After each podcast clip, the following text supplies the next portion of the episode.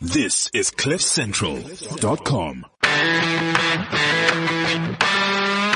Welkom by die Klipkouers potgooi.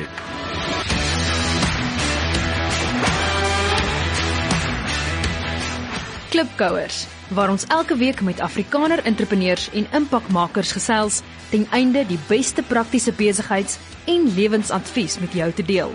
Jou gasheer en mede-klipkouer, Jacques Basson.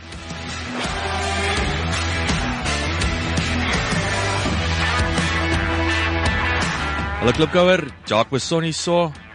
Ehm um, ek hoop dit gaan sommer baie goed met jou. Dankie dat jy ingeskakel het en welkom by nog 'n episode van die Klipkouers potgooi.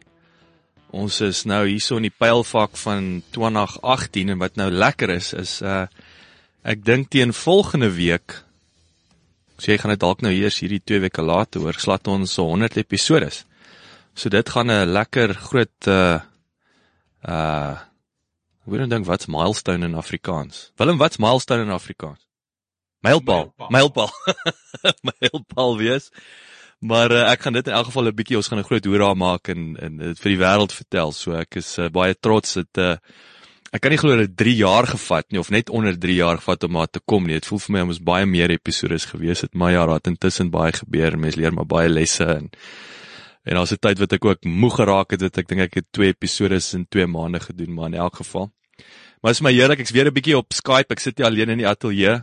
Ek sou net vir Willem wie ek nou gaan voorstel is ek is so bederf om om met altyd met die mense uh, weet aangesig tot aangesig te gesels, maar die eerste 2 jaar was dit net Skype. So ek sit alleen, kry myself jammer in die ateljee, maar dit is my heerlik om met uh, Willem van der Merwe van Africa Biomass Company te gesels. Nou net vinnig voor wat hierdie man interessant maak is weet hierdie hy was Sanlam's entrepreneur van die jaar in die in die in die algehele kategorie en natuurlik ook het hulle die medium grootte besigheid gewen. So ek en ek ek's altyd geïnteresseerd om met die manne wat wat groot kompetisies soos hierdie kan kan wen hoor wat wat maak hulle anders, wat's interessant, maar Willem verskriklik welkom. Dis reg, baie dankie Jacques. So kom ons spring sommer weg. Jy sit in die Kaap, né? Dis reg ja, ons besigheid is in die Boland in die dorp van Woester gestasioneer en ons werk oor die hele Wes en Oos-Kaap. Maar ek kan nou hoor jy klink so regte Kaapenaar of het jy nou maar net as jy 'n Vrystater wat opgegee het na 20 jaar? Nee, nee nee nee. Um, nee ek uh, ek en my hele familie voor my het nog nooit die Kaap verlaat nie. Ons uh, ons lê in skeiingsagting, so ons kan nie wegkom van Tafelberg af. Daai julle is happy met daai mountain tax om dit te betaal. ja, wel, ek weet nie, ons ken nie iets anders nie, so ons is seker maar tevrede daarmee. Hoorie maar, dis nou interessant Willem. Ek ek probeer altyd ehm um, of is vir my lekker as ek 'n koneksie kan maak met met die persoon met wie ek gesels. Jy weet, sou dit wees 'n gemeenskaplike vriend wat glo of nie soms gebeur uh, 'n uh, gemeenskaplike dorp. Nou Woester in 1996 toe besluit my paale, so ons is mos maar Vrystaters. Yes. En uh, ek het ek het op Bloemfontein geswat en op daai stadium toe toe die Dulcie Cafés. Uh, daai tyd was nou Cafe Dulcie. Uh, Kobus Wiese met die Wiesenhof groep het dit intussen oorgekoop. Maar die die Dulcie Cafés was die voorlopers van die Mug and Beans. Inteendeel, hulle was dink ek daai tyd al 20 uh rest, jy weet die tipe van restaurant, coffee shop, cafe ding wat wat baie nuut was, was hulle al sterk geweest. Ehm um, inteendeel, so ek sê hulle was een voor en een beter as Magambien, maar ehm um, ons het toe nou hierdie Dulcie Cafe in Bloemfontein oopgemaak en uh nou die studente, ons het verskriklike uitgang want hulle het ook hierdie helse groot kaaskoeke en goed gehad onder andere en my maale sien toe die ding en my pa raak toe smoor verlief op die konsep en uh langs die kort ons het die Dulcie Cafe Dulcie oopgemaak in Woester en uh dit was uh Oktober 1996 daar in die ja. Konetsarkade Ek wou sê hy het in die Konetsarkade gesit ja. Dis reg en uh in daai tyd was dit was toe nou die nuutste hy moes nou vars ontwikkel net daarna die Drosra opgepop en en alles maar ja dit is ek ons het 5 jaar in Woester gebly. Ek het nou maar my vakansies daar spandeer. Jy weet wat uh, studente het te veel vakansie. Maar ehm um, ja, ek het ek het rond gehardloop en gespeel en gespring en goed daar in Woester. Ja, ja. Ek het in Ceres groot geword. Ek bly so vir die afgelope 10 jaar in Woester, maar al ons groot besigheid was ons nog altyd in Woester, so ken nie die dorp hom redelik goed. Hoorie maar, wanneer daai mall, kyk ek was geskok uh, in die goeie sin van die woord toe ons die 1 jaar daar deur ry. Ek dink dis ook nou al seker 'n goeie 5 jaar gelede en ek sien hierdie verskriklike mall daar langs die die snelweg. Ja, hy is so bietjie meer as 5 jaar oud. Is dit? Um, hy sal nie ouer as 8 jaar wees nie. Hoorie maar, doen hy goed. Is hoe hoe hoe hoe, hoe lyk die ekonomie in Woester? Weet ek onthou hom nou daai tyd, ehm um, weet 96, ek weet nie of jy kan onthou so ver terug. Ek dink rentekoerse het op 25% gehardloop. Um, dit is actually 'n baie moeilike tyd om in in besigheid te gaan. Um, en natuurlik net daarna toe drop die, die rentekoerse weer en toe het ons daai daai eiendomsontploffing. Ja, ja. Um, wat Woester 'n lekker besigheidsdorp maak is die industrie in die dorp is groot genoeg. En ehm um, die dorpe van Verliersdorp, Robertson, Bonnievale, Ashton, tot 'n mindere mate Swellendam, ehm uh, De Dorings, Ceres, Prins Alfred's Hamlet en Rosenwil ehm um, en Woolsley en Tulbagh doen almal hulle groter besigheid ehm um, op Woester, so groter makelaarsfirmas, groter industriële besighede bedryf almal almal wat in die Wes-Kaapse platteland werk, bedryf vir besigheid van Woester af. Ehm um, so dis lekker sentraal geleë en is op die N1 ehm um, en dit is groot genoeg maar tog nog klein genoeg om om te kan sê jy bly op 'n plattelandse dorp. Hoorie maar is dit so dat ek ek verstaan dat daar's baie ek noem hulle die Transvaalers, weet so Gautengers wat daar's meer en meer ouens wat ook daai kant toe skuif. En hy en ek en ek lei af hulle die die die commute in ek neem maar as jy in die Parel is of Stellenbosch, ek bedoel dis nie dis om die draai tegnies as jy met stads commute tyd van wat uur uur en 'n half vergelyk. Ja, Ehm um, hier's baie min mense wat uit die noorde uit op Woester kom bly. Uh dit hulle trek almal of Parel toe of Stellenbosch toe of in daai omgewing. Mhm.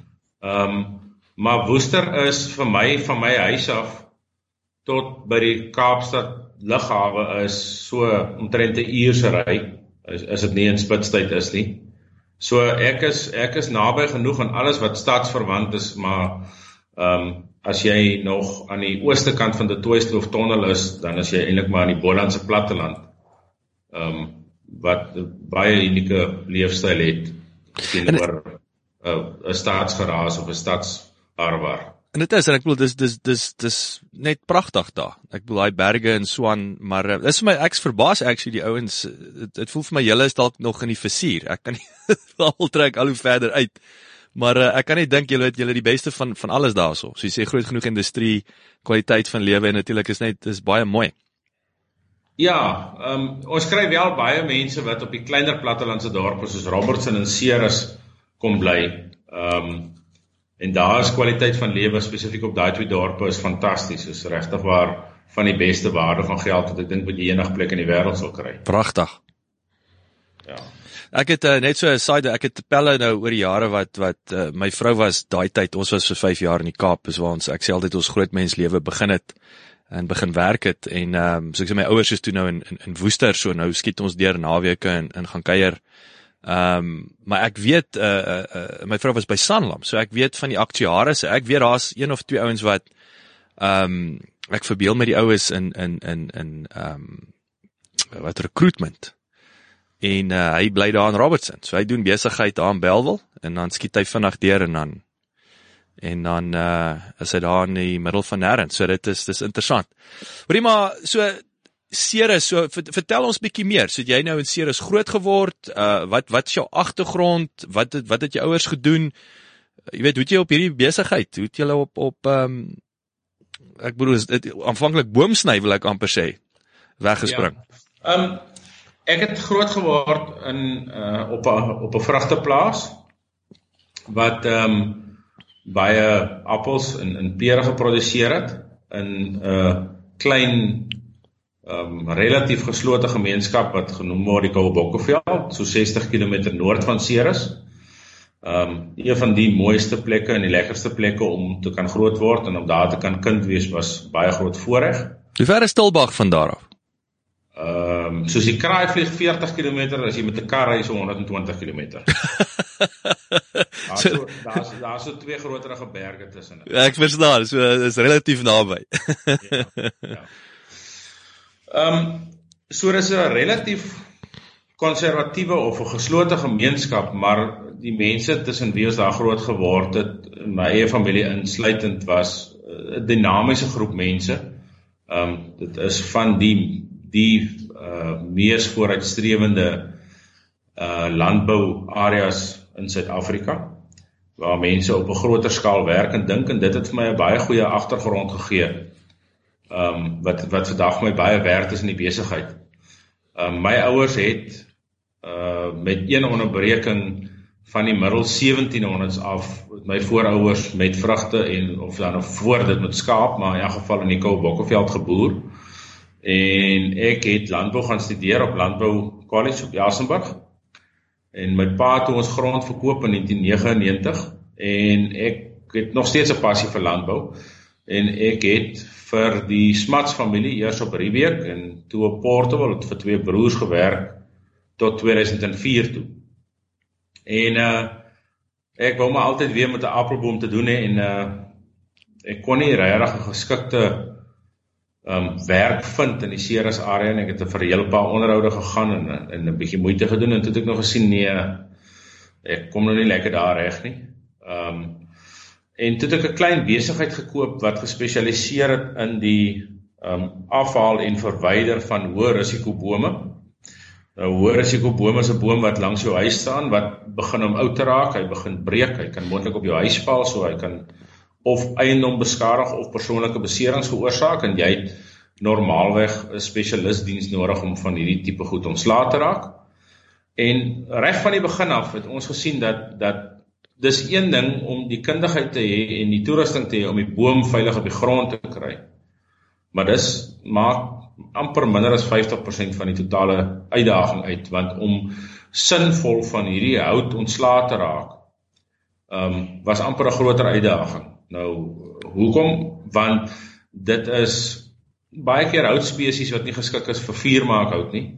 Dit is 'n suurboom wat in iemand se tuin verstaan het. Hy is definitief nie ehm um, versorg om vir jou goeie eh, ehm uh, um, hout te gee in die vorm van planke of een of ander 'n bruikbare vorm nie. So die boom is afval. Hy het nie hy het nie 'n kommersiële waarde nie tensy jy hom van sy huidige formaat af omskakel na 'n bruikbare vorm toe waarvan die eerste wêreldse industrie standaard is om om 'n houtchipper te gebruik. En so het ons nou begin met 'n chipper om ons eie terreine skoon te maak en ons het baie vinnig begin. So, ekskuus, die chipper sly hom net in sy kas in in in in en, en dan ja. dan kan jy dit nou maklik gaan ontslaa raak van dit. Ja, ehm um, 'n chipper kan jy kry baie verskillende uh, grootes masjiene, maar 'n chipper vat 'n uh, boom, kom ons sê nou jy het 'n boom wat 'n 300 mm stam het, dan sal hy die boom met sy takke en sy blare prosesseer na houtskerwe toe. Um, afhangende van hoe die masjien gebou is, sal die houtskerwe enigiets tussen 15 en 30 mm lank wees, tipies so 5 mm dik. So dis sulke vlokkies wat hy maak. Of as jy op groot skaal werk, um, dan het jy ook wat jy noem 'n shredder wat op, op teen 'n hoër tempo kan werk en en, en groter volumes materiaal omskakel na 'n lang veselagtige ehm um, houtsplinter toe. En uh Ja, so het ons gesien dat daar 'n geleentheid is om in hierdie masjiene te belê en dit te verhuur. Ehm um, en en die dienste daarvan af uitgebrei. Nou in die Wes-Kaap word daar heelwat meer as 100 000 hektaar vrugte geboer tussen vrugte en wingerd. Nee, ekskuus ek ek val jou rede. Wat wat wat kos ehm um, ek was nou in die week 'n bietjie in Botawil en ehm um, jy weet dis mos maar prime landbougrond. Wat wat ja. kos as jy nou te veel geld het? Wat wat kos so vrugteplaas gemiddeld per per hektaar? Kyk, een van die beste maniere om van 'n van 'n groot fortuin 'n kleintjie te maak is om om om 'n vrugteplaas te um, Jy sal 'n uh, jy sal maar redelik uh, genoeg daarvan moet hê. So 'n tipiese vrugteplaas in 'n vooruitstrewende streek waar jy kwaliteit grond koop of dit nou Robertson is en of dit dorings is en of dit ceres is, gaan jou ehm um, afhangende van hoe die plaas se ligging lyk en wat op hom staan en hoe sy infrastruktuur lyk, enige iets tussen 600 000 rand tot 'n miljoen rand per hektaar. Goeie hemel. Dit is verskriklik. En en en ja, daai en daai en daai uh, so dit is dit, dit klink vir my dis maar dieselfde nou as wat met met 'n mielieplaas. Jy jy kan nie vandag met geld daai plaas koop en hom kommersieel suksesvol boer nie. En isolasie nie.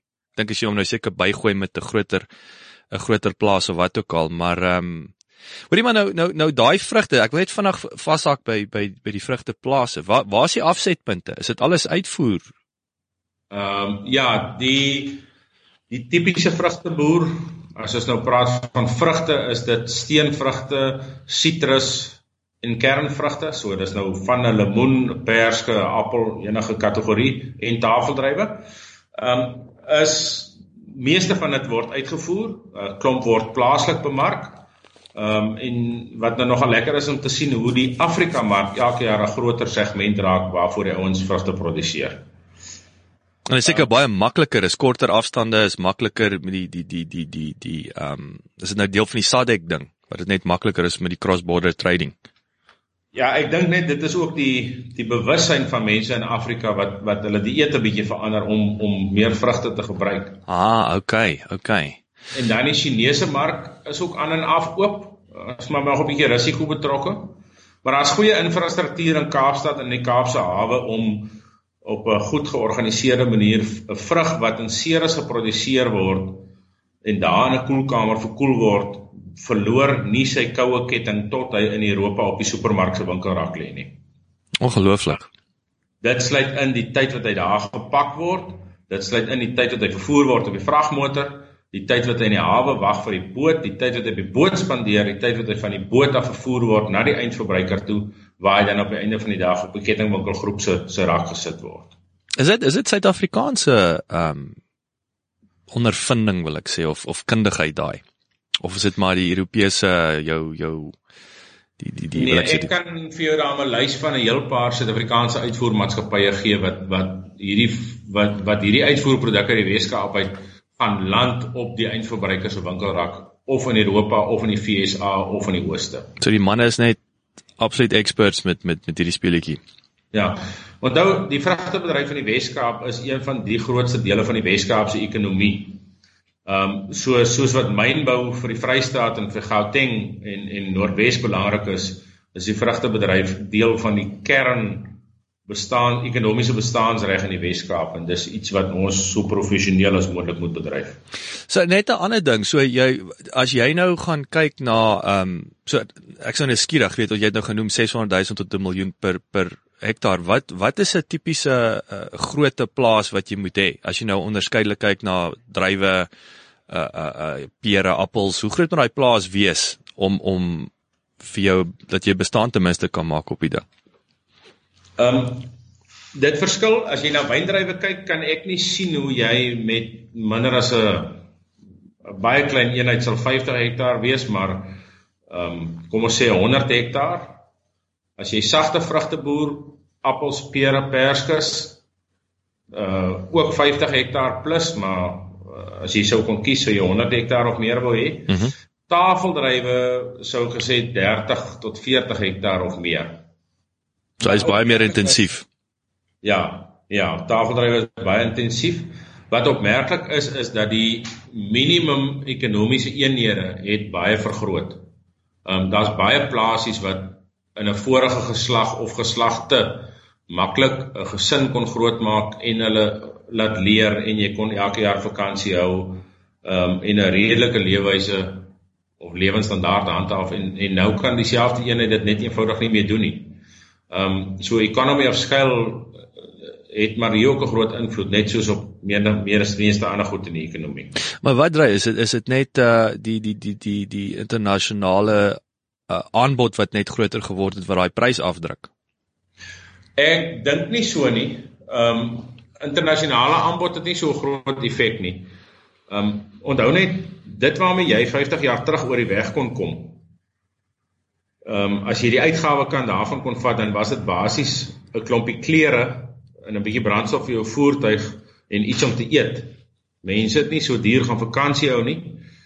Niemand het die naaste by die hoeveelheid geld gespandeer wat ons vandag spandeer op tegnologie nie. So die eerste ding is die die lewenskoste het baie opgegaan. Ehm um, inflasie is dalk onder beheer en onder 6%, maar maar gaan kyk net wat spandeer jy nou in 'n jaar op 'n telefoon wat jy 20 jaar terug nie gehad het nie. Mm. En uh, hoor jou. So so die die behoefte of die lewensstandaard van van meeste mense het mos nou baie gelig en saam met die lewensstandaard wat gelig het, het jy ook mos nou ooglopend eh, toename in kostes gehad. Mm, mm, mm.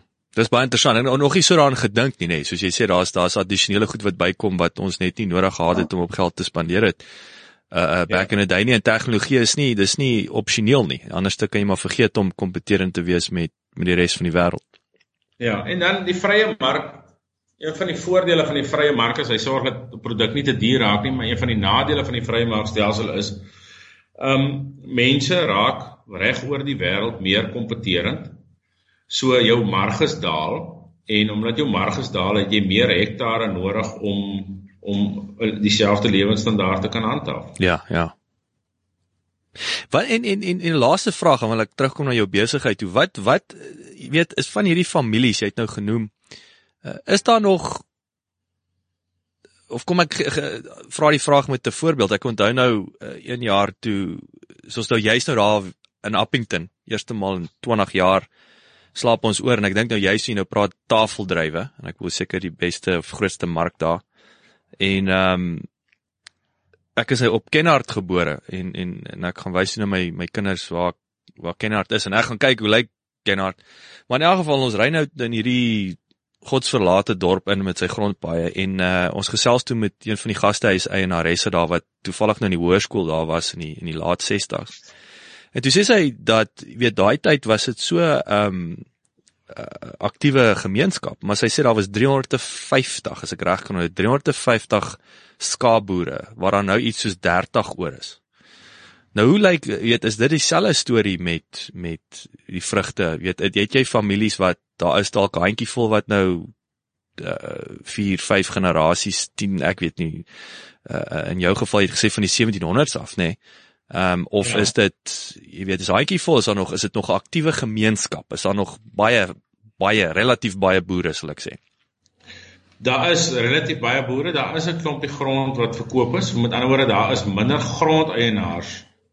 Ehm um, as wat daar as jy nou grondeienaars moet gaan lys teenoor 30 jaar terug sal die aantal grondeienaars minder wees. Meeste van die plase in die Ceres omgewing word uitgekoop deur mede-grondeienaars in dieselfde omgewing. Okay. Maar wat wat die wat die Ceres area spesifiek nou nogal uniek maak is dat die die groep bestuur wat deur so 'n boerdery aangestel word, ehm um, vervang die vorige eienaar en in gevalle is dit selfs die vorige eienaar wat deel van die nuwe besigheid se bestuur word. Ehm um, so kleiner plasies word gekonsolideer om groter produksie eenhede te vorm wat ekonomies meer lewensvatbaar is maar die aantal individue wat betrokke is in die produksie van sagte vrugte groei nog jaar op jaar op Ceres of in Ceres area. So aantal grondeienaars het minder geword, aantal mense betrokke in die industrie groei elke jaar. Dis interessant. So as hy ek wil sê dis 'n deel eienaarskap. Ja.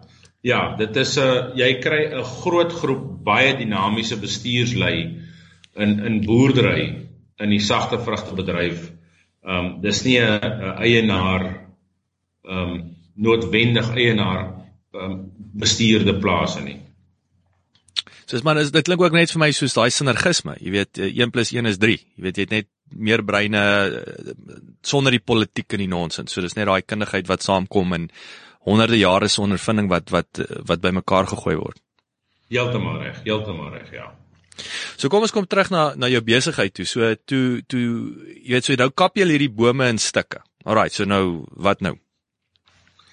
Ehm um, die die oorspronklike motivering vir die ontwerp en die bou van houtversnipperingsmasjiene was suiwer om volume minder te maak. Met ander woorde, as jy nou 'n groot boom het wat iewers op 'n munisipale terrein staan of by iemand se huis staan, sou jy argumente onthalwe 5 vragte van daai takke moes wegry met jou vragmotor voordat die boom verwyder is. Hmm. En ehm um, die Europeërs en die Amerikaners het begin om hierdie masjiene te bou want as jy daai masjien prosesseer en dan bring jy die volume min of meer ehm um, 5 1 af. Met ander woorde 5 vragte takke op jou vragmotor sal een vragmotor vol houtspanders maak. En so jy daai uit en uit vir jouself gedoen. Dit was daai dit bring dit daai marginale koste, distribusiekoste af om om 1 versus 5 trips. Okay.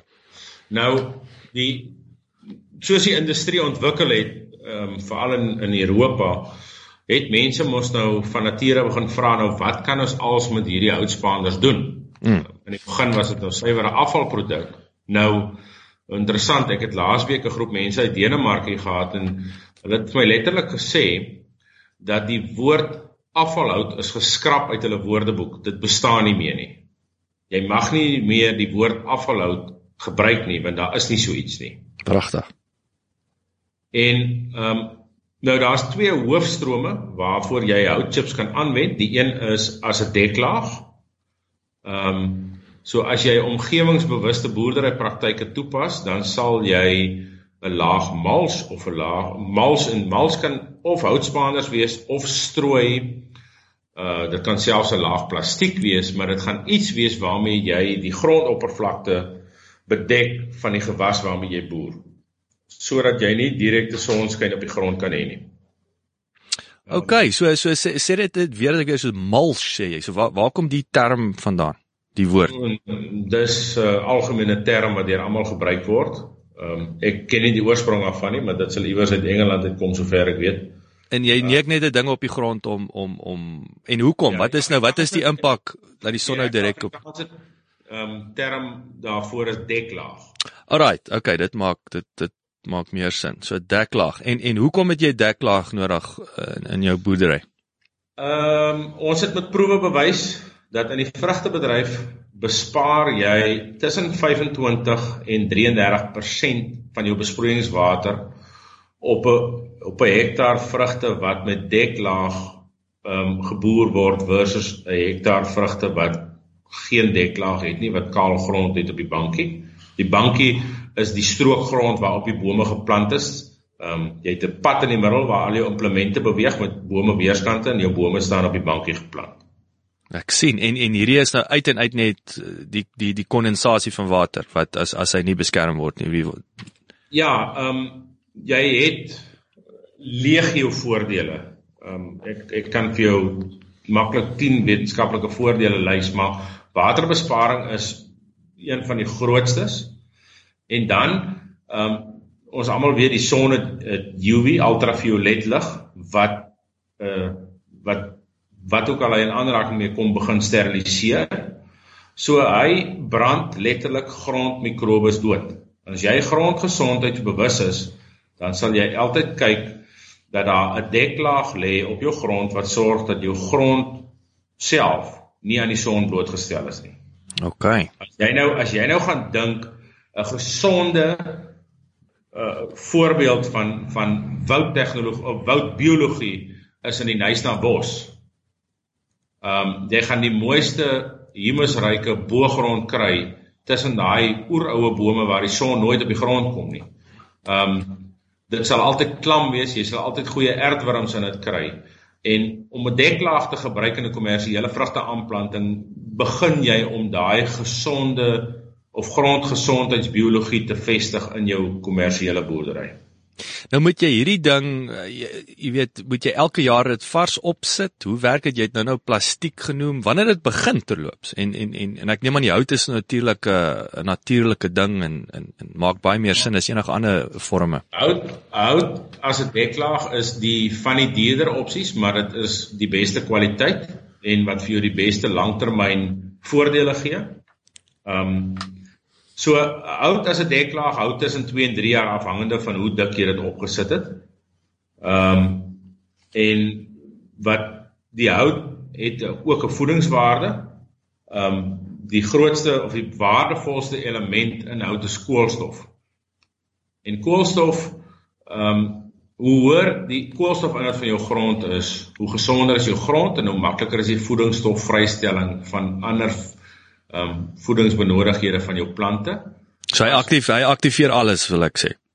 Dis reg. Dit is dit is baie naby aan die ehm um, aan die towerstafie wat jy nodig het om grond te laat ehm um, beter uh produseer. OK. Ehm um, en dan saam met dit ehm um, het jy 'n uh, 'n bietjie voordeel in onkruidbeheer omdat jy 'n goeie deklaag op het.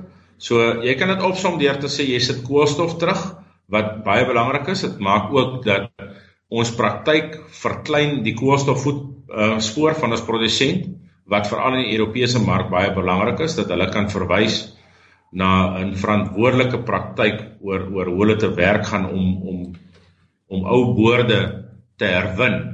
Ehm um, in in die verlede was alles brandgesteek, so daar het elke jaar tot 200 000 ton hout fisies in rook opgegaan en en nou word dit vir 'n beter doel aangewend. En ek neem aan daai die die die die die rook elements nou weer die maak die lug vuil wat die ouens nie van nou in Europa nie. Lugbesoedeling lugbesoedeling is is is 'n faktor, maar die hoeveelheid ehm um, koolstofdioksied vrygestel in die atmosfeer is mos nou vir almal 'n bekommernis. So dis maar die groot bogger as jy die so die so die koolstof soos of in die grond of in die lug in. Ja, so jy wil hom graag in die grond hê en jy wil hom graag uit die lug uit hê en 'n boom vang koolstof uit die lug uit en sit dit in sy hout en as jy daai hout herwin op 'n sinvolle manier, plaas jy dit terug in die grond in plaas van om dit vry te stel weer in die atmosfeer. Ja, yes, dis daarom net die ek wil sê dis die perfekte oplossing. So die jy het nou genoem, weet jy het gepraat daar van 10 voordele, 'n uh, wetenskaplike voordele. Jy het gesê dit dit, dit verbeter nou, ons weet nou van die die die uh waterbesparing wat ek dink jy seker so krities of nog meer krities was in die Kaap die afgelope paar jaar met die droogte. Ehm um, jy het genoem die produksie, so die koolstof wat die produksie verbeter. Wat is die persentasie van van produksieverhoging? plus minus. Um, dit is nie dit is beduidend, maar is nie vreeslik baie nie. Jy het so ehm um, jaar op jaar het jou neem jou stam omtrek 4% vinniger toe op bome wat reg gemulch is. Die soortgelyke gewig van jou vrugte is tussen 3 en 5% swaarder. Met ander woorde, 'n appel met 'n deursnee van 70 mm wat geproduseer is in 'n koolstofryke omgewing sal 4% tot 5% meer weeg as 'n appel wat identies dieselfde grootte is, maar wat met chemie geproduseer is. En word jy betaal per kilogram? Ons lewer ons diens per kubieke meter hout chips geherwin, ja. Ja, maar ekskuus, ek wil terugkom na die na die na die vrugte toe. As jy nou jou appel verkoop, eh, ja, word jy per ja, kilogram betaal. Alles in die in die in die vrugte kliënt se mandjie is kilogram of ton gebaseer. Maar dit klink vir my dan uh, uh nogal aansienlik baie. Ek bedoel jy 4% ekstra gewig kan bysit net omdat jy uh, Ja, as jy nou as jy nou deklaag gebruik begin begin lys, naamlik ehm um, eerstens doen jy weg op 'n verantwoordelike manier met 'n boord wat die einde van sy kommersiële lewensduur bereik het. Tweedens ehm um, bespaar jy aansienlike hoeveelheid water. Ehm um, om om nou om vir jou aansienlik in in in publieke terme om te sit op 'n audit wat ons laas jaar gedoen het op ons eie besigheid het hierdie besigheid alleen 46000 huishoudings se water vir 'n jaar bewerkstellig. Dus aan, aan besparing. So die aksies wat wat wat hier plaasgevind het, het genoeg water gespaar as jy dit aan huishoudings sou toeken om 46000 huishoudings vir 'n jaar van water te voorsien. Ongelooflik. Ongelooflik. En dan het jy 'n uh, ehm um, sekondêre voordele van onkruidbeheer wat wat jy help mee. Uh jy verbeter die boom se gesondheid, jy verbeter die grondgesondheid. Um die enigste nadeel wat ek vir jou kan lys is die koste daarvan. Dit is nie die heel goedkoopste proses om te doen nie. So kom ons kom ons praat daaroor. Jy het jy het nou gesê daai ding uh, deklaag hou 2 tot 3 jaar. Um ons weet nou ons kyk na 'n gemiddelde plaasgrootte, kom ons vir die wis en die onwis noem dit nou maar 100 hektaar. Ehm um, Wat kyk jy na? Wat wat kos dit dan? Ja, hoe dit ehm um, jy gaan ek het baie min kliënte wat die hele plaas onder deklaag sal sit. OK. Ehm um, beskikbaarheid van materiaal om dit reg te kry is is 'n groot ding. Daar is nie genoeg hout in die Wes-Kaap om al die vrugte wat hier staan onder deklaag te sit nie. So ehm um, ons besigheid begin by die bron van materiaal, die beskikbaarheid van die materiaal. En die meeste van die materiaal wat beskikbaar kom is ou vrugteboorde of wingerde wat aan die einde van hulle lewensduur kom. Nou, as jy 'n eenvoudige som kom ons sê daar's 100 000 hektaar permanente gewasse in die Weskaap en sy kommersiële lewensduur is 20 jaar, dan beteken dit dat daar elke jaar 5000 hektaar moet vervang word. OK. So die makliker beskikbare bron is daai 5000 hektaar wat elke jaar uitgehaal en verwerk moet word. En min of meer vir elke hektaar vrugte wat jy uithaal, kan jy 1 hektaar vrugte 1 tot 1.5 hektaar nuwe vrugte aanplantingsdeklaag gooi. So as jy baie effektief sou te werk gaan in die in die in die Weskaap en jy 5000 hektaar vrugte uitgehaal, sal jy omtrent 7000 hektaar kan met deklaag gooi. Ek sien, ek sien, so dit is uit en uit. En en so dis nie dat dat jy nou die, die manne daar sit voor jou deur in 'n ry en sê luister ons soek deklaag hier. Dit gaan maar net oor daai daai 20 jaar plan wat jy volgens moet werk, uithaal en vervang. Ja, dit gaan ehm um, daar is 'n beskostigbaarheidsfaktor. 'n Kliënt kan nie ehm um, die die koste van die van die diens laat hom nie toe om 'n boom op enige plek te gaan afsaag en te versnipper en aan te ry na sy plaas toe nie. Ehm um, ek ek glo natuurlik genoeg in die diens dat ek dit sal regverdig. Maar ehm uh, uh die ouens se bewussyn moet nog so 'n bietjie groei voordat dit heeltemal gaan regkry. Ek hoor jou. So dis weer daai uh dit is daai opvoeding. Like amper daai sommetjie want jy weet jy bet you paying it forward soos hulle sê nee, dis nie dis nie nee, uitgawe nie, dit is jy kry daai jy gaan dit terugkry. Heeltemal reg. Vir ons is dit al 'n groot prestasie net om te kan sê dat meer as 80% van alle vrugtebome wat nou uitgehaal word in die Wes-Kaap word nie meer gebrand nie. Hmm. So 20 jaar terug was meer as 80% van alle bome wat uitgehaal word gebrand. Ehm um, so 80% van 5000 hektaar, kom ons maak dit 4000 hektaar word nou elke jaar herwin waar meer as 4000 hektaar 20 jaar terug sou brandgesteek gewees het. Yes. Ehm um, en en die verskaffing van of dan nou die omskakeling van hierdie afvalhout en deklaag is net die mees logiese roete om te gaan as jy dit nie wil brand nie. So en en en ek neem aan om terug te kom na 'n mielieplaas toe. En, en jy het nou gesê daai daai koste net selfs op daai kleiner plaas, dis dis baie. So en ek neem aan is is deklaag kos dit deklaag was verniet. Sal dit sin maak selfs op 'n mielieplaas? Ja. Jy kan nou maar 'n bietjie gaan oplees oor mielies. Ehm um, en dan sal jy hoor dat die term no-till ehm um, of minimum till word in die graanbedryf mielies en koring baie gebruik. En dit gaan oor presies dieselfde beginsel, naamlik om die maksimum hoeveelheid organiese materiaal bo op die grondlaag te laat lê terwyl jy die nuwe oes insit. En is weer vir dieselfde die die voordele is presies dieselfde. Voordele is presies dieselfde, ja. Dis baie interessant.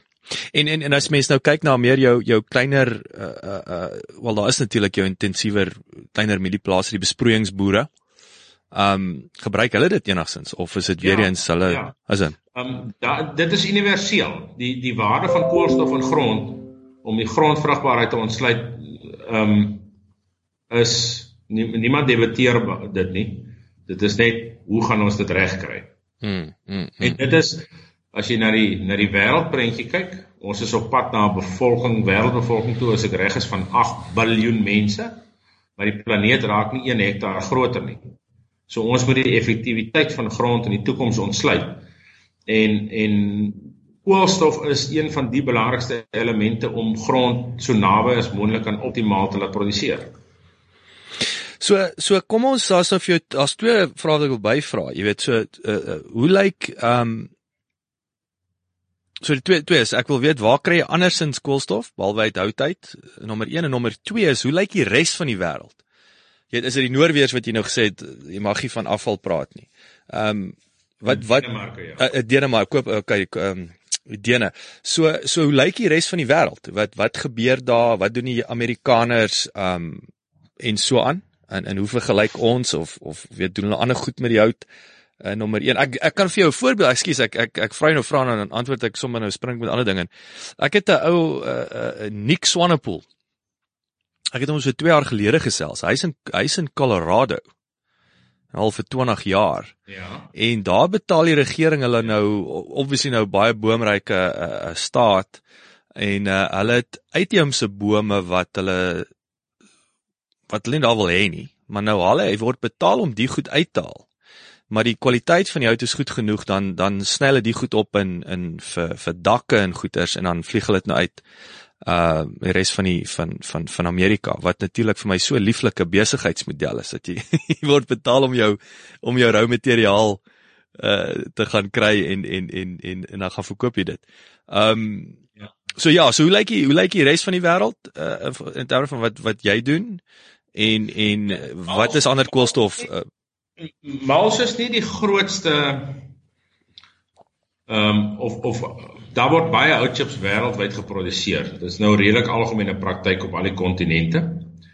Maar ehm um, waar dit nou regtig interessant raak en waar dit goeie besigheid raak is dat jy mals uh of dan nou hout chips en in die plek van mals kan jy dit ook gebruik as 'n alternatiewe ehm um, soliede brandstof teenoor byvoorbeeld steenkool en afhangende van die kwaliteit van jou hout chips het jy tussen 1.6 en 2 ton chips nodig om 'n ton steenkool te vervang. Vragtig. So dit is nie dis nie en hoeveel lyk die pryse tussen die twee? As jy nou appels nee, met appels. Jy, jy kan jy kan dit is kompeterend in die Wes en die Oos-Kaap. Ek dink nie daar's 'n besigheid wat hout chips op die Hoëveld langs 'n steenkoolmyn kan produseer en kompeterend kan wees met die energiekoste van steenkool nie. So ek dink nie iemand sal sommer nou môre vir Eskom sê hoor ons gaan hout gebruik om om 'n steen om 'n steenkoolkragsentrale wat by 'n myn staan um, te bedryf nie. Maar jou tipiese agroneiwerhede in die Wes en die Oos-Kaap wat kleiner stoomketels gebruik vir die produksie van voedsel of vir die prosesering van voedsel soos 'n uh, inmaakfabriek. Ja. 'n uh, melkaanleg soos byvoorbeeld Nestlé of 'n brouery soos SAB of 'n stokery soos Destel of KWV, al daai mense gebruik kleiner stoomketels en steenkool was die tradisionele energiebron wat jy gebruik het. Nou, dit is die tipe besighede wat op die oomblik daarna kyk om om hulle ehm um, ketel om te skakel na een wat met houtchips brand sodat hy eerstens 'n groener koolstofvoetspoor kan hê en tweedens 'n plaaslike ehm um, alternatief kan gebruik en dan die mooi voordeel verder daarvan is dat dit word in die Wes-Kaap en in die Oos-Kaap word hierdie houtchips uitsluitlik geproduseer vanaf indringerbome wat in die Wes-Kaap se rivierstelsel staan. So hulle is afvallig, hulle is hulle is moeilikheidmakers.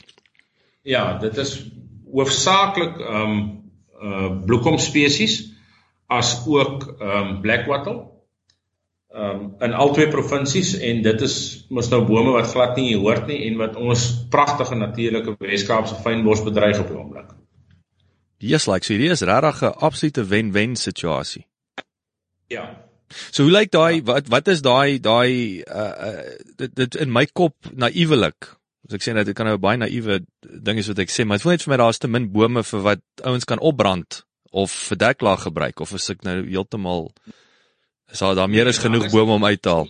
Jy gaan jy gaan nie môre alle steenkool in die Wes en die Oos-Kaap kan vervang met hout chips nie. Tensy daar 'n baie goed georganiseerde ehm um, poging aangewend word om hout te produseer. So Sappi, Sappi gaan môre sê ons maak nie meer papier nie. Ons het nou 'n uh, klomp bome daar wat ons net plant om hout chips. Dis reg. Ehm um, maar jy het baie klein of mikroverbruikers in die Wes-Kaap wat in 'n in 'n kleiner omgewing wel die alternatief kan uitoefen. In die Wes-Kaap gebruik die laaste syfer wat ek gehoor het min of meer 30000 ton steenkool 'n maand. Nou dis 'n oorwinning as jy net 1000 ton daarvan kan vervang met hout chips. Ehm um, jy hoef nie te probeer om almal gelyk oor te skakel nie. Jy kan ook nie dis 'n groot kapitaal uitleg om 'n ketel om te skakel na ander tegnologie toe. En die tipiese ouens is ouens wat in hulle omgewing in 'n 50 km radius genoeg hout het om vir die volgende 10 tot 15 jaar vir die lewensduur van 'n nuwe aanleg houtchips as 'n alternatief te kan gebruik teenoor steenkool. Dit is baie interessant. So nou hoe lyk die jy het nou gepraat van die Wes-Kaap, Oos-Kaap, ehm um, wat gebeur hier bo in in in Gauteng? Jy weet, wat is die boomsituasie? Ek wil amper ek, ek wil vir jou vra kom ek wil terugkom aan die koolstof ding toe. Wat jy nou weet so 'n belangrike punt van ek weet bome wat koolstof uit die lug uithaal. Is daar ja. het ons ehm um, as ons nou dink groen planeet is daar jy weet is daar te min bome is is is is daar te veel is die die die, die uitheems 'n probleem. Ek dink nou jy's in Pretoria, as Jacaranda nie ook 'n 'n 'n bogger actually nie. Ehm um, ek gaan nou nie die hals van menigte Pretoria mense op my skouers haal nie. So ek gaan nou niks oor die Jacaranda sê nie. maar ek weet hy's 'n dorsboom wat ek sien nie daar hoort nie, nê, nee, maar hy's pragtig. ja, ja, maar as jy nou kyk hoeveel bloekombome staan byvoorbeeld in die Noord-Vrystaat teen die riviere. Ja. As ook selfs inheemse indringerbos soos sekelbos en swarthaak veral in die in die weste van Suid-Afrika en uh, dit is totaal vervuil in, in byvoorbeeld in Namibië. Um die die lekkerte daarvan is 'n boom kan terwyl hy ombrand in 'n ketel nie meer koolstof vrystel as wat hy in sy lewensyd uit die atmosfeer uitgehaal het terwyl hy gelewe het nie. So solank jy kan sertifiseer dat jy 'n boom geplant het in die plek van die een wat jy verwyder, bly dit 'n geslote koolstofketting en laat jy geen addisionele koolstof vry in die atmosfeer nie. Ehm um, daarom word houtchips as 'n energiebron geag as 'n uh, eh, wat die Engelse noem 'n carbon neutral, koolstofneutrale ehm um, of dan nou 'n uh, 'n nul koolstofvoetspoor te hê. Yes, ek verstaan heeltemal. Nou nou maar maar natuurlik daai maar so hy's hy's hy's carbon neutral. Maar nou natuurlik, wat is die voordeel van daai bloekomboom wat nou nie daar suig aan die rivier nie? Weet wat is daai daar seker nou die grootste voordeel. Skap as jy 'n hektaar bloekombome wat in die vloedvlak van 'n rivier staan verwyder het en daai selfde hektaar ehm um, hervestig het met tradisionele Kaapse fynbos. Met ander woorde, jy herstel die die die natuurlike plante groei. Dis 'n rehabilitasieprojek. Dis nie 'n kom ons gaan oes die bome en verwoes die plek operasie nie. Yes.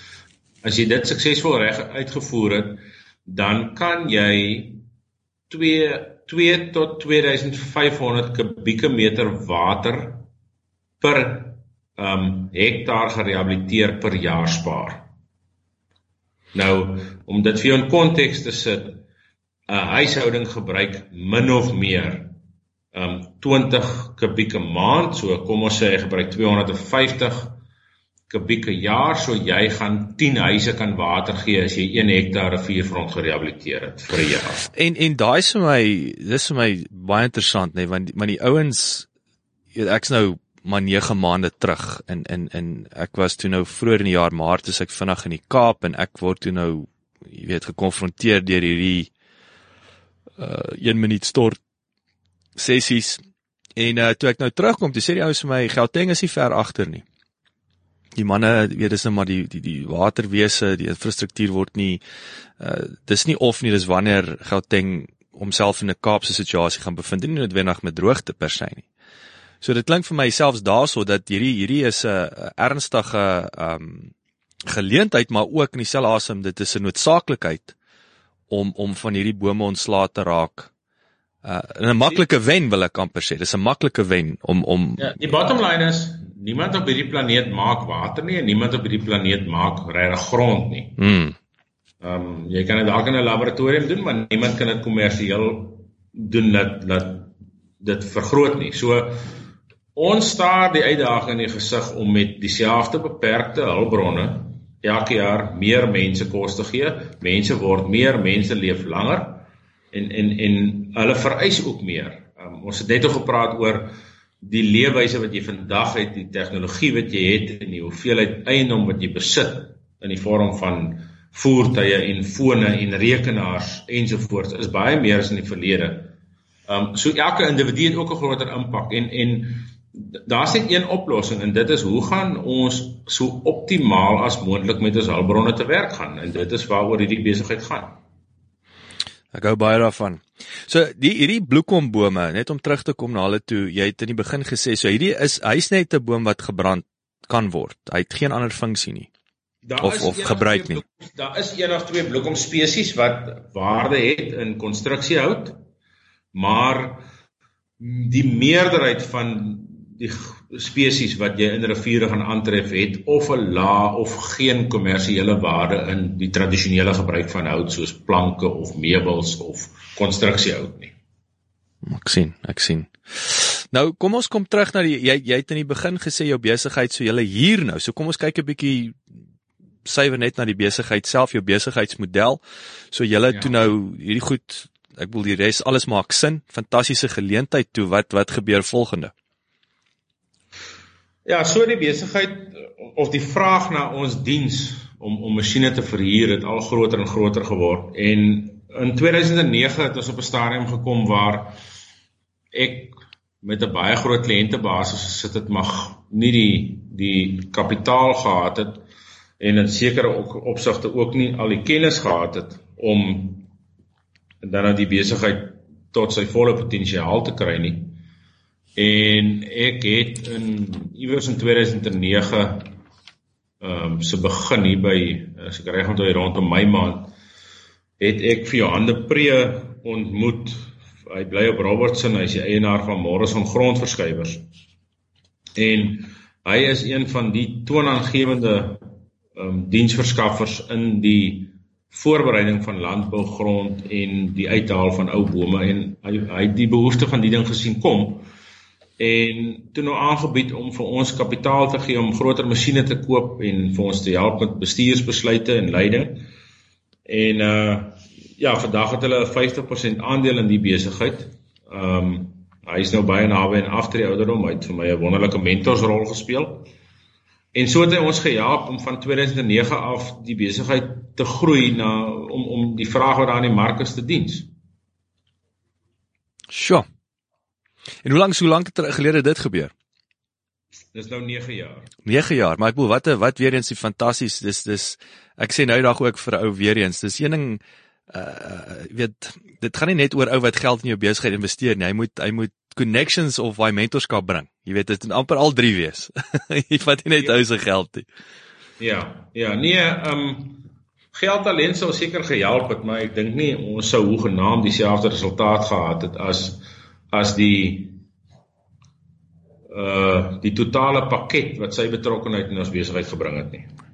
So jy het vroeër gepraat van julle hierdie masjien uit. So hoe hoe lyk waar waar het julle verskillende inkomste strome? So julle chop op, julle deklaag natuurlik. Is dit is dit die gros van julle besigheid? So as jy as jy vir my 'n uh, die klipkouers 'n uh, tipe van 'n uh, afbreek van julle verkope kanale ja. kan gee. Ehm um, die kern van ons besigheid vandag is ons het 'n klomp spanne in die veld wat uh, spesialiseer in die bymekaar maak en dan die, die versnipper van afvalhout.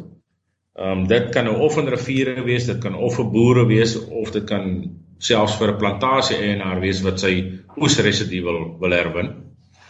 Ehm um, En in daai sektor van ons besigheid doen ons so in die omgewing van 200 000 tonne jaar op die oomblik. En daar is so min of meer 100 mense in daai afdeling in diens. Dan het ons 2 jaar terug die agentskap gekry. Ehm um, die brand wat ons gebruik, ehm um, staan bekend as Bandit. Ehm um, word gebou deur 'n besigheid met die naam van Bandit Industries in die FSA. Uh -huh. En ons het in 2016 verspreidingsregte vir hulle masjinerie bekom in Suider-Afrika. En dit maak vandag so tussen 25 en 30% van ons omset uit. En is dit wat is dit choppers? Dit is nou die masjiene wat ons gebruik ja, sou choppers. Okay. Ek sê ek noem hom 'n chopper, 'n chopper is helikopter, 'n chipper. ja. Ja. Okay.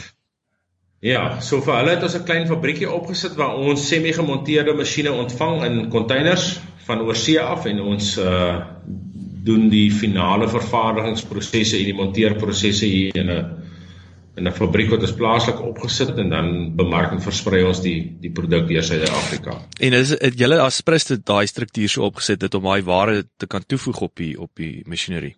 As wat die om die hele ding in te voer. As ons voorstel, ons is die eerste instansie ehm um, wat by Bandit 'n uh, 'n halfvoltooide produk ontvang en en dit self voltooi. Ons is baie trots daarop. En ehm um, ja, dit was ons voorstel om 'n masjien te bou wat aangepas is en bruikbaar is in die Suid-Afrikaanse mark. Ehm um, die die besoedelingswetgewing op diesel engines in die FSA en in Europa wat hulle grootste mark is, is baie strenger as in Suid-Afrika. En ons is nie ons wil nie noodwendig 'n engine opsit wat baie lugbesoedeling veroorsaak nie, maar die tegnologie of die kundigheid om daai engines te diens is nie noodwendig al in Suid-Afrika beskikbaar nie. En ehm um, ons kry dan nou eerlik e, eerder 'n engine wat deur 'n ehm um, nog steeds 'n oorseese maatskappy verskaf word, maar wat aangepas is om in Suid-Afrika te werk, wat deur Suid-Afrikaanse tegnikuste kan gediens word en met Suid-Afrikaanse brandstof kan werk. Mm. Ehm um, en en sit dan so 'n engine op om ons masjien aan te dryf en dan bou ons ook 'n onderstel op die masjien wat ons kan plaaslik lisensieer en wat aangepas is om in plaaslike omstandighede te werk. So ek wil dit maak alles absoluut sin. So net om terug te kom, wat wat was die ek wil sê wat is deurslaggewend om om om nie net 'n Suid-Afrikaanse weergawe te bou nie. Is dit is dit die ouens se konstante ontwikkeling van die produk of wat wat wat kan hulle doen wat julle ouens nie self kon uitfigure met tyd nie? Daar's 'n bietjie integriteit daarbey betrokke. Um, ek sien net nie myself hulle produk vat en en 'n direkte um, kopie daarvan maak en in Suid-Afrika vervaardig nie. Ek dink dit is onmoontlik om dit te doen nie. Mhm. Ehm um, en dan ek is ek is regtig waar ek is mal oor die kwaliteit van die masjien wat ons kry. Ehm um, dis 'n besigheid wat 'n groot aantal eenhede 'n jaar bou. Ons het 'n baie goeie band met hulle. Ons kry verskillike goeie diens by hulle, maar ons is altyd verseker van 'n absolute topkwaliteit produk. Ehm um, en ja, hulle navorsingsspan wat wat prototipes bou is groter as wat ons hele Suid-Afrikaanse mark is. Pragtig. So, sure, okay. Selfsprekend gaan jy om by tegnologie by te hou, is jy afhanklik van so 'n groep mense. Ek verstaan en, en, en net op daai grond daarvan al klaar maak dit sin om om om by hulle die die produkte koop. Ja. So kom ons fokus nou. Ek wil hierdie is dit is verskriklik interessant Willem. Ek moet sê en hier is vir my ook die verskillende fasette van die besigheid, die industrie. Dis regtig fascinerend in die in die impak. So kom ons kom ons praat gou 'n bietjie oor die Sanlam. Jy weet wat wat hoekom het julle gewen? Is dit is dit ek wil amper sê vir hierdie obvious jy weet gaan dit oor die die uh uh uh um herwinning ek wil die die, die inisiatief julle julle voer produkte in buite en julle voeg ware toe en sit die dinge aan mekaar. Wat wat het uitgespring dink jy of voel jy van dat wat gelei daartoe dat julle algehele wenners was vlerige jaar? Nee, ek het um, ek het die paneel van die keerders se se kommentaar gaan lees. En hulle voel dat ons gekwalifiseer het daarvoor op grond van die feit dat ons 'n redelike groot verandering in die industrie plaas uh, of teweeggebring het. Ehm um, die die manier van doen vandag. Ons is nie die enigste mense wat dit doen nie en ons kan ook nie al die krediet kry daarvoor nie, maar die manier van doen vandag ehm um, is definitief anders as wat dit gelyk het toe ons die arena betree het. Ehm um, en en dit het vir hulle uitgestaan dat dat ons 'n wesenlike verskil gemaak het in die industrie en in ook nie net in die industrie nie, maar maar ook in hoe mense dink oor oor afvalhout in die areas waar ons werksaam is. En en, en ek bedoel dit dit klink vir my een ding wat wat mense nie kan kopie nie. Ek en wat vir my deurkom heeltyd wat ek met jou gesels is jou absolute passie en liefde vir die natuur, vir vir hierdie tipe boerdery. Alles is vir my geanker in dit. Die liefde vir, vir net is soos jy sê die bome is nie afval nie. Jy dis net 'n liefde vir wat jy doen. Ja. Ehm um, passie is is meeste van die tyd tot my voordeel en baie keer tot my nadeel is regtig deel van my mondering. Ehm um, ek wil so ver gaan om te sê ek dink jy sal as jy 'n top lys entrepreneurs gaan se name gaan neerskryf dan sal jy sien dat die mees suksesvolste ouens, ek, ek dink byvoorbeeld aan Steve Jobs, is altyd daai klomp bevoeterde mense wat nie nee vir 'n antwoord kan vat nie. Ehm um, Ehm um, dit dit is nou maar net so jy moet 'n bietjie bogemiddelde dryf hê en nie so maklik nee vir 'n antwoord aanvaar as jy suksesvol wil wees om om om iets te dryf nie en daai energie en daai deursettingsvermoë kom van jou passie vir iets af. So as jy nie as jy nie omgee vir iets nie, kan jy nie dit hê nie. En en my omgee lê gefundeerd in ons het net een planeet. Ons moet ons bestaan op hom so suksesvol as moontlik bedryf en ons gaan dit doen deur dit dit verantwoordelik te doen eerstens en tweedens om mense op te voed om dit te doen. Mm. Dis jou laaste vraag. Wat wat wat is die belangrikste les wat jy geleer het in in hierdie hele avontuur tot dusver? Ek het verskriklik baie gelees om geleer om om een uit te sonder is 'n uh, is nie so maklik nie, maar ja, ek het ehm um, ek wil sê die kwaliteit van jou besluitneming bepaal op die einde van die dag die kwaliteit van jou lewe. So ehm um, maak seker dat jy weet ehm um, wat jy dink en hoekom jy so dink voor jy besluit neem. Ehm um, en, en en en dan om jou vraag op te som dat dat alles begin by goeie besluitneming. En as ek moet terugkyk na die suksesse wat ek gehad het, dan was dit gegrond op goeie besluite in regte tyd en as ek moet gaan kyk na die foute wat ek gemaak het, was dit of omdat ek nie genoeg inligting ingewin het nie of omdat ek nie my agterkop geweet het dit is dalk nie die beste besluit nie, maar kom ons gaan maar hiervoor. En die langtermyn resultaat daarvan was net nooit dieselfde as absoluut die regte besluit op die regte tyd nie. Baie waardevolle advies laat my laat my nou dink en ek het nou net hier so toe jy dit sê, toe dink ek aan, hulle sê mos persepsie is realiteit, maar toe besef ek ook realiteit is ook nie persepsie nie. so, ja, ja. So dit ja. dit sommer vir my goed op. So, 'n hm? vraag wat jy miskien kan vra aan die hand van wat jy gesê het is hoe realisties is jou persepsie van die werklikheid? Mm. Mm. Absoluut.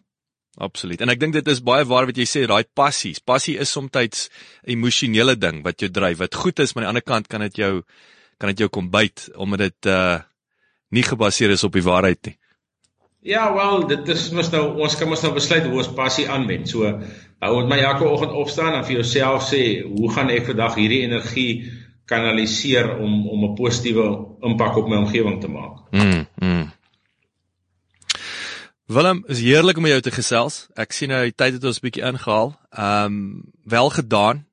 Uh dis regtig 'n uh, uh, interessante besigheid wat jy jouself in bevind. Ek het ek het uh, dit was ek het dit nou regtig geniet ook. Dis nou eersmaal wat ek 'n bietjie uh, ek wil sê met 'n ou met 'n boere aanslag of 'n landbou aanslag, so dis baie interessant. Ehm um, en ek en ek is enige besigheid wat ek altyd sê enige besigheid wat al die boksies tik in terme van jou jou jou verbruikers, jou kliënte, uh, die omgewing, die ekonomie um, ek's mal oor so besigheid en en julle is vir my daai boks tikkers. So wel gedaan. Uh ek is ek is uh dis vir my duidelik uh hoekom julle gewen het verlede jaar, welverdiende wenners en en doen so voort. Jy weet ek uh ek sal graag met jou in die nabye toekoms weer wil gesels want dis vir my hierdie is wat ek sê is vir my baie interessant. Veral die met die steenkool en en en so aan. En verskriklik dankie vir jou tyd. Nee, baie dankie vir julle belangstelling en uh ja, sê maar as er nog iets is wat ons mee kan help. Waardeer dit. Uh, sterkte daar. Ek weet daai die tyd van die jaar is julle brand al klaar in julle kas en dan in Woester of is dit of is dit nog koel cool daar? Ek weet is die hele land is om ver gewerp op hierdie stadium. Ons het so 2 weke terug 'n hittegolf gehad wat glad nie met ons gespeel het nie. Hy het sommer vir ons vroeg jaar al kompak gee. Ja, yes, maar maar geniet om ek onthou daai wat ek altyd ek het die swembad uitgeklim as ek klaar nat gesweet na 5 minute. Ja, so, ja. so sterkte. Okay Willem, alles van die beste. Baie dankie dat jy geluister het. Vir 'n opsomming en notas van die episode, gaan asseblief na ons webwerf www.klipkouers.com en teken sommer in terwyl jy daar is, dan kan ons jou gereeld op hoogte hou. Baie dankie.